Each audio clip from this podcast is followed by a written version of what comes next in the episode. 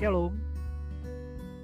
Sahabat yang diberkati Tuhan Satu ayat Alkitab untuk kita Di malam ini Injil Yohanes pasal 15 ayat yang ke-16 Bukan kamu yang memilih aku Tetapi akulah yang memilih kamu.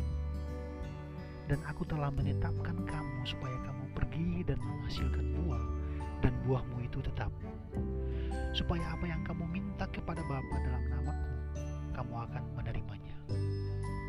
Sahabat yang diberkati Tuhan, Tuhan dalam memilih seseorang untuk menjadi hambanya, Tuhan tidak pernah melihat cita-cita atau kecakapan dari orang tersebut, tetapi Tuhan melihat hati yang siap melayani.